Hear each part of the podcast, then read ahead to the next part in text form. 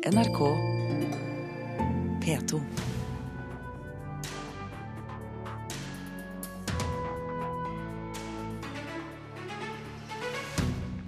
Ny auksjonsrekord for et kunstverk ble satt i natt. Picassos Le Femme d'Alger gikk for nærmere 1,3 milliarder kroner.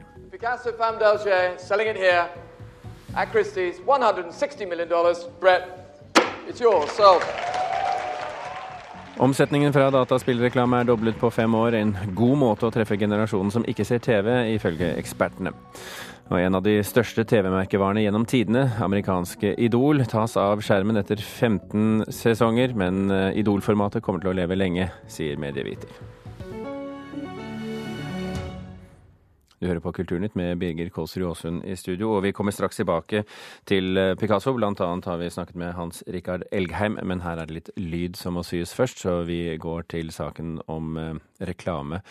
Ti år etter at norske Funcom var først i verden med interaktiv reklame i dataspill, har markedet for dataspillreklame økt kraftig.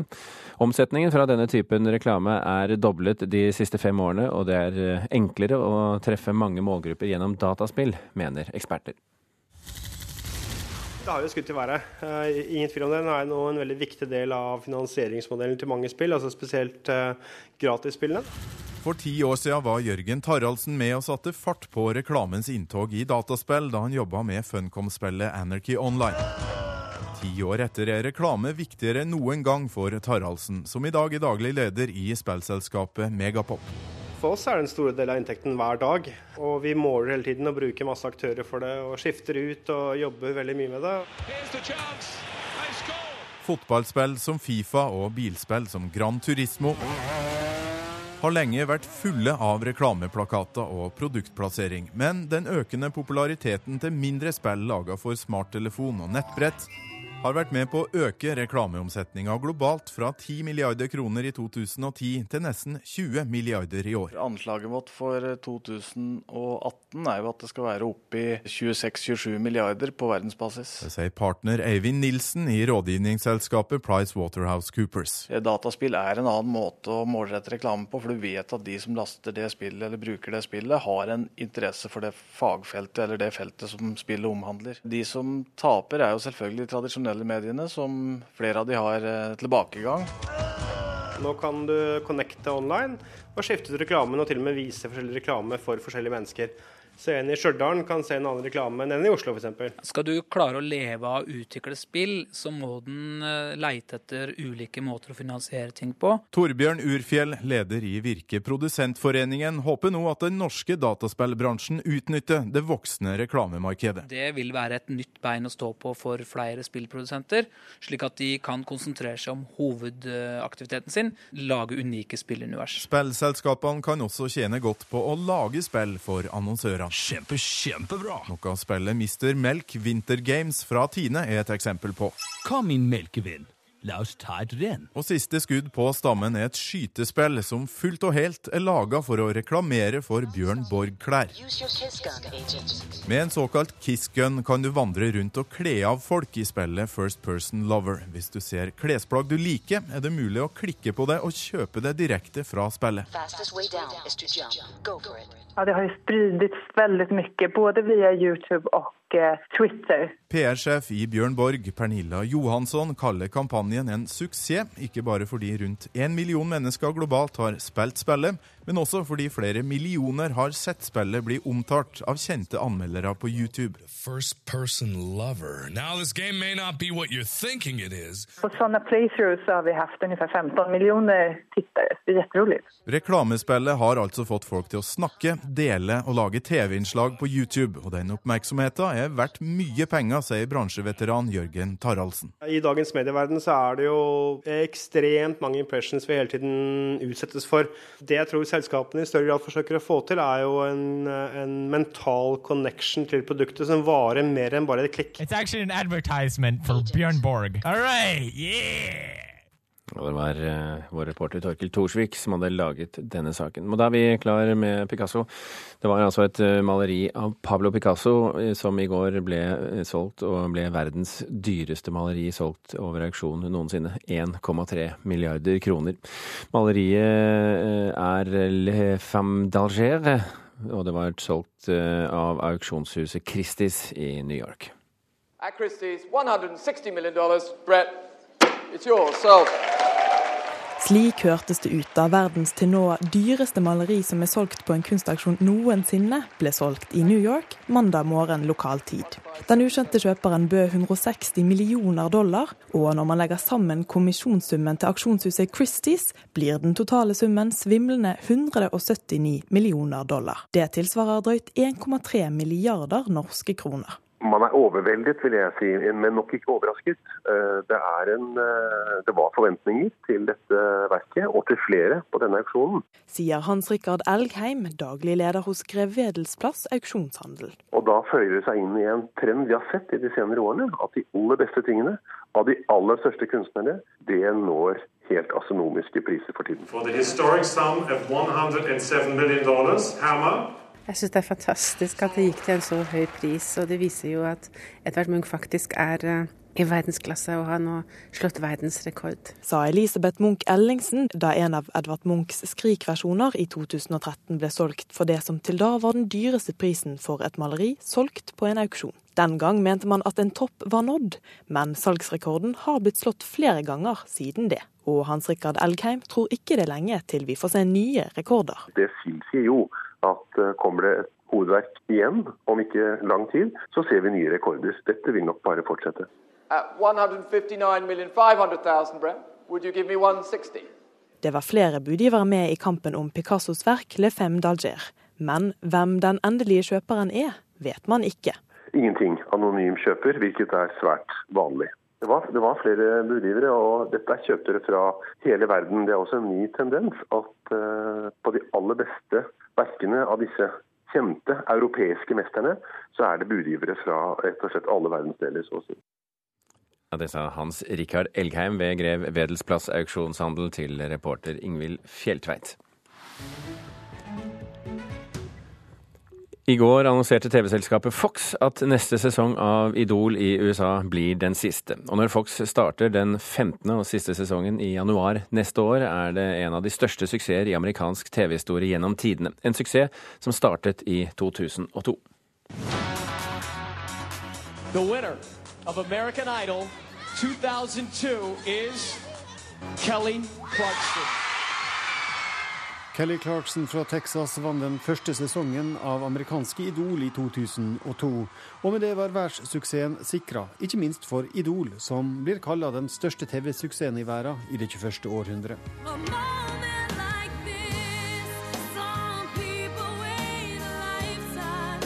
Medieviter Yngvar Kjus tror suksessen skyldes at folket blir invitert med på en popdugnad. Det er eh, den landsdekkende kampanjen for å finne fram til det ene talentet. Så det rigges til som en eh, storstilt eh, dugnad, nærmest, for å saumfare landet etter de som har en stjerne dypt nede i magen. I USA har både vinnere og de som ikke nådde helt opp, fått suksess etter deltakinga.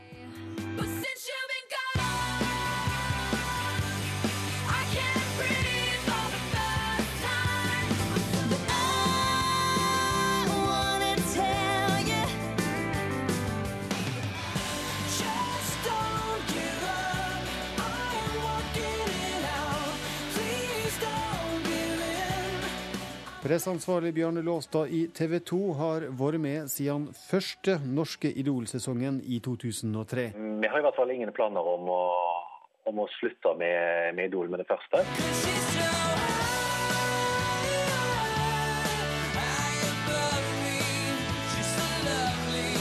Kurt Nilsen ble den første Idol-vinneren i Norge, og han vant også etter hvert konkurransen World Idol, der eh, andre landsvinnere av Idol også var med.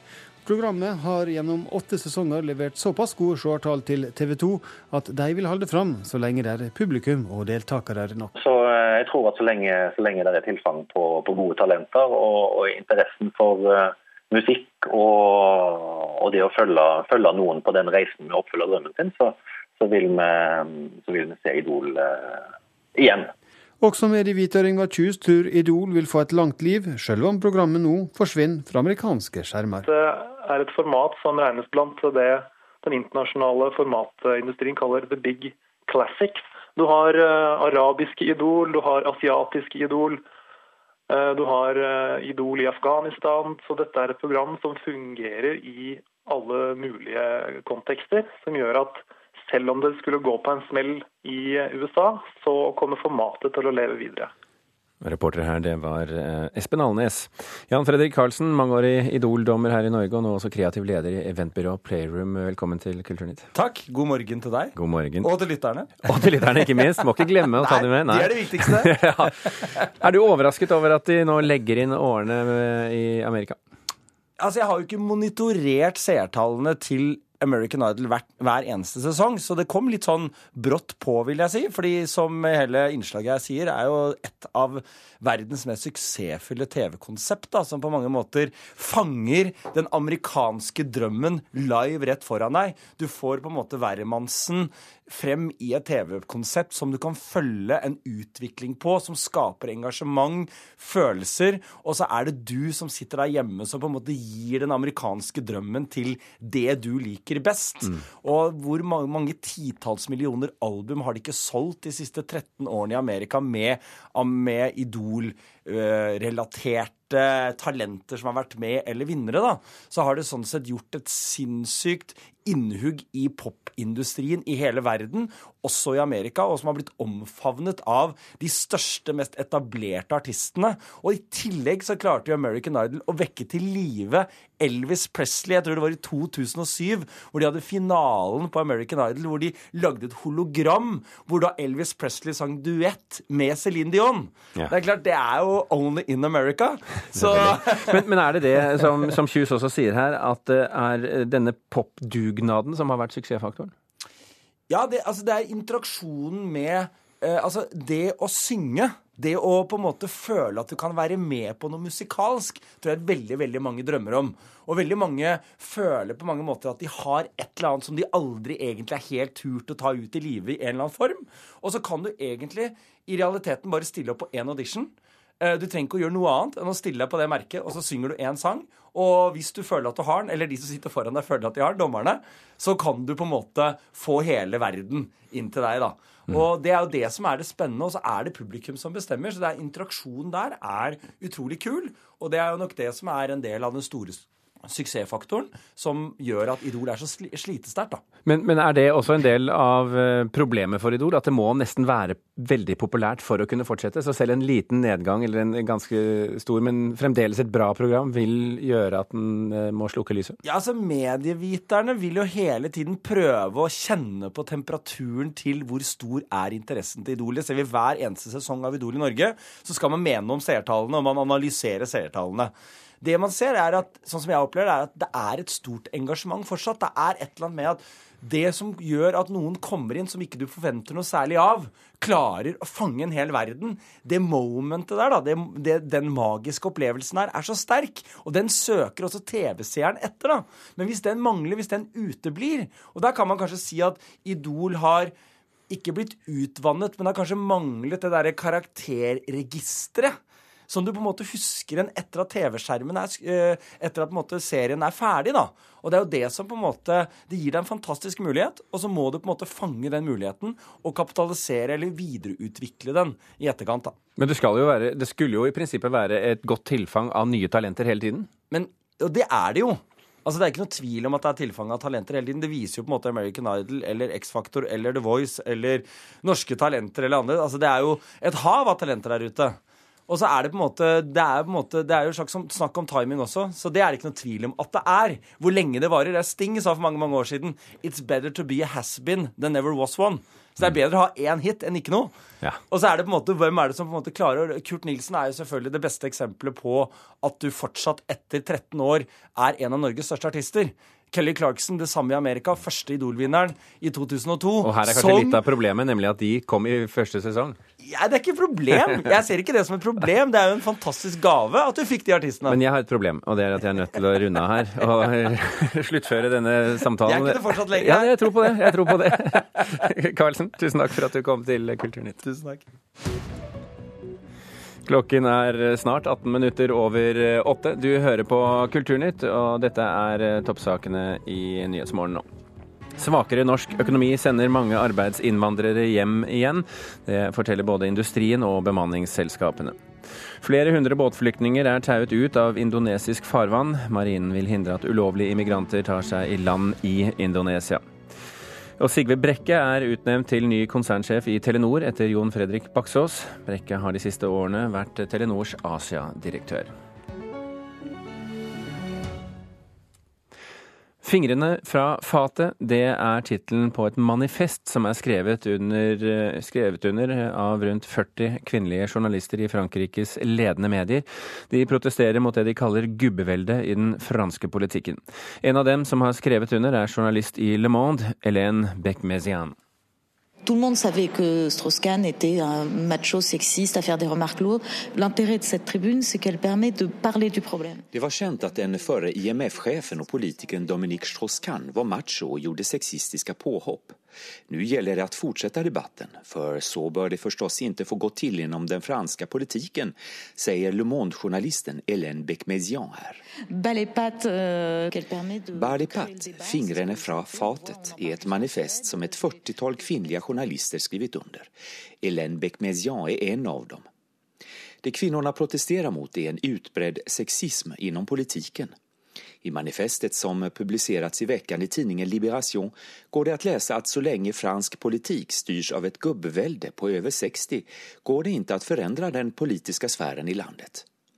De 40 kvinnliga journalisterna är mer eller mindre kända i Frankrike.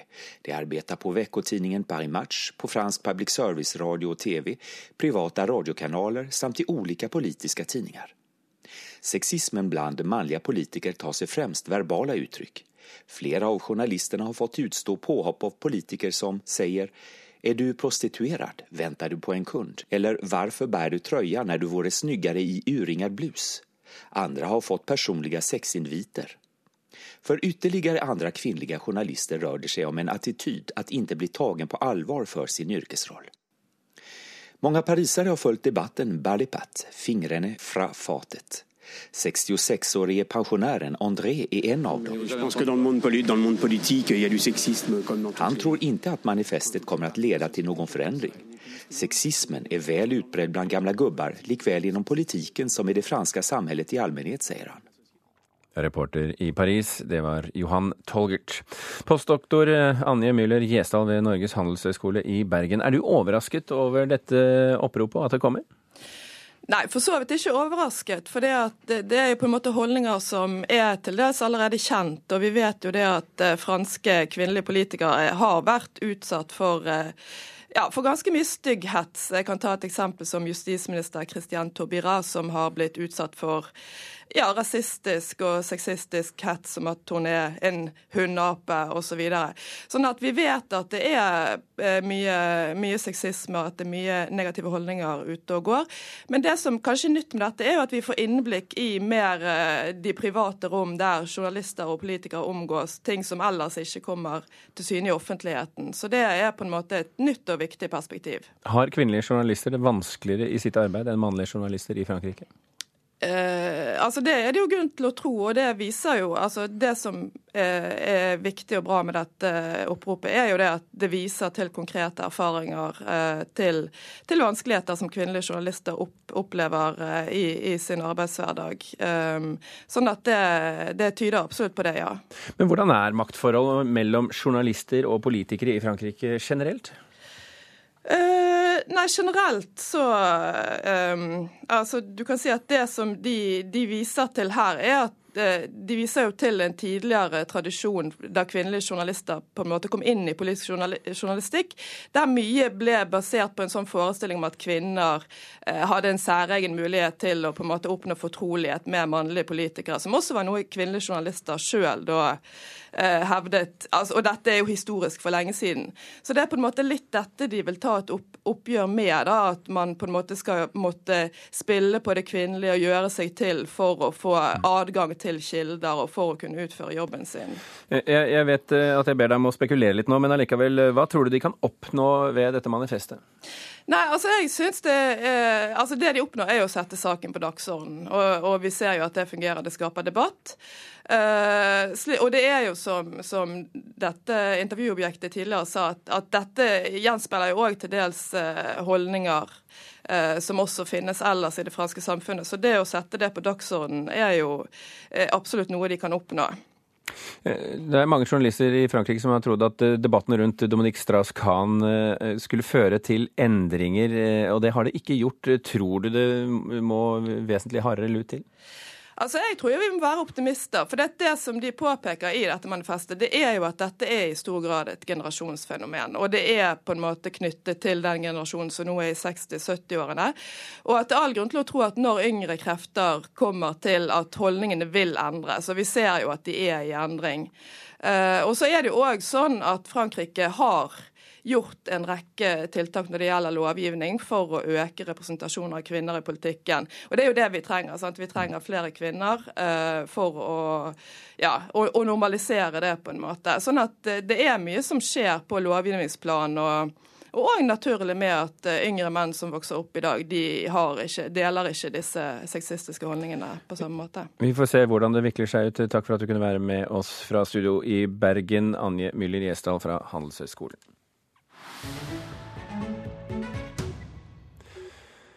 Berlinfilharmonien har ennå ikke fått ny sjefsdirigent. Orkesterets 124 faste musikere møttes i en kirke i går for å gjennomføre valg av ny dirigent, men de kom ikke til noe resultat, selv etter elleve timer med diskusjoner bak lukkede dører. Nå sier musikerne i det som regnes som verdens beste symfoniorkester at de vil prøve igjen innen et år, og de har litt tid på seg. Dagens dirigent, sir Simon Rattle, skal ikke erstattes før i 2018. Strømmetjenestene Netflix, HBO Nordic og Viaplay får bunnplasseringer når norske kunder har avgitt sin dom. Det viser Norsk kundebarometer. Den nye teknologien er ukjent for mange og kan være vanskelig å sette seg inn i, sier Pål R. Silseth, prosjektleder ved Norsk kundebarometer, til Dagens Næringsliv om hvorfor de gjør det så dårlig.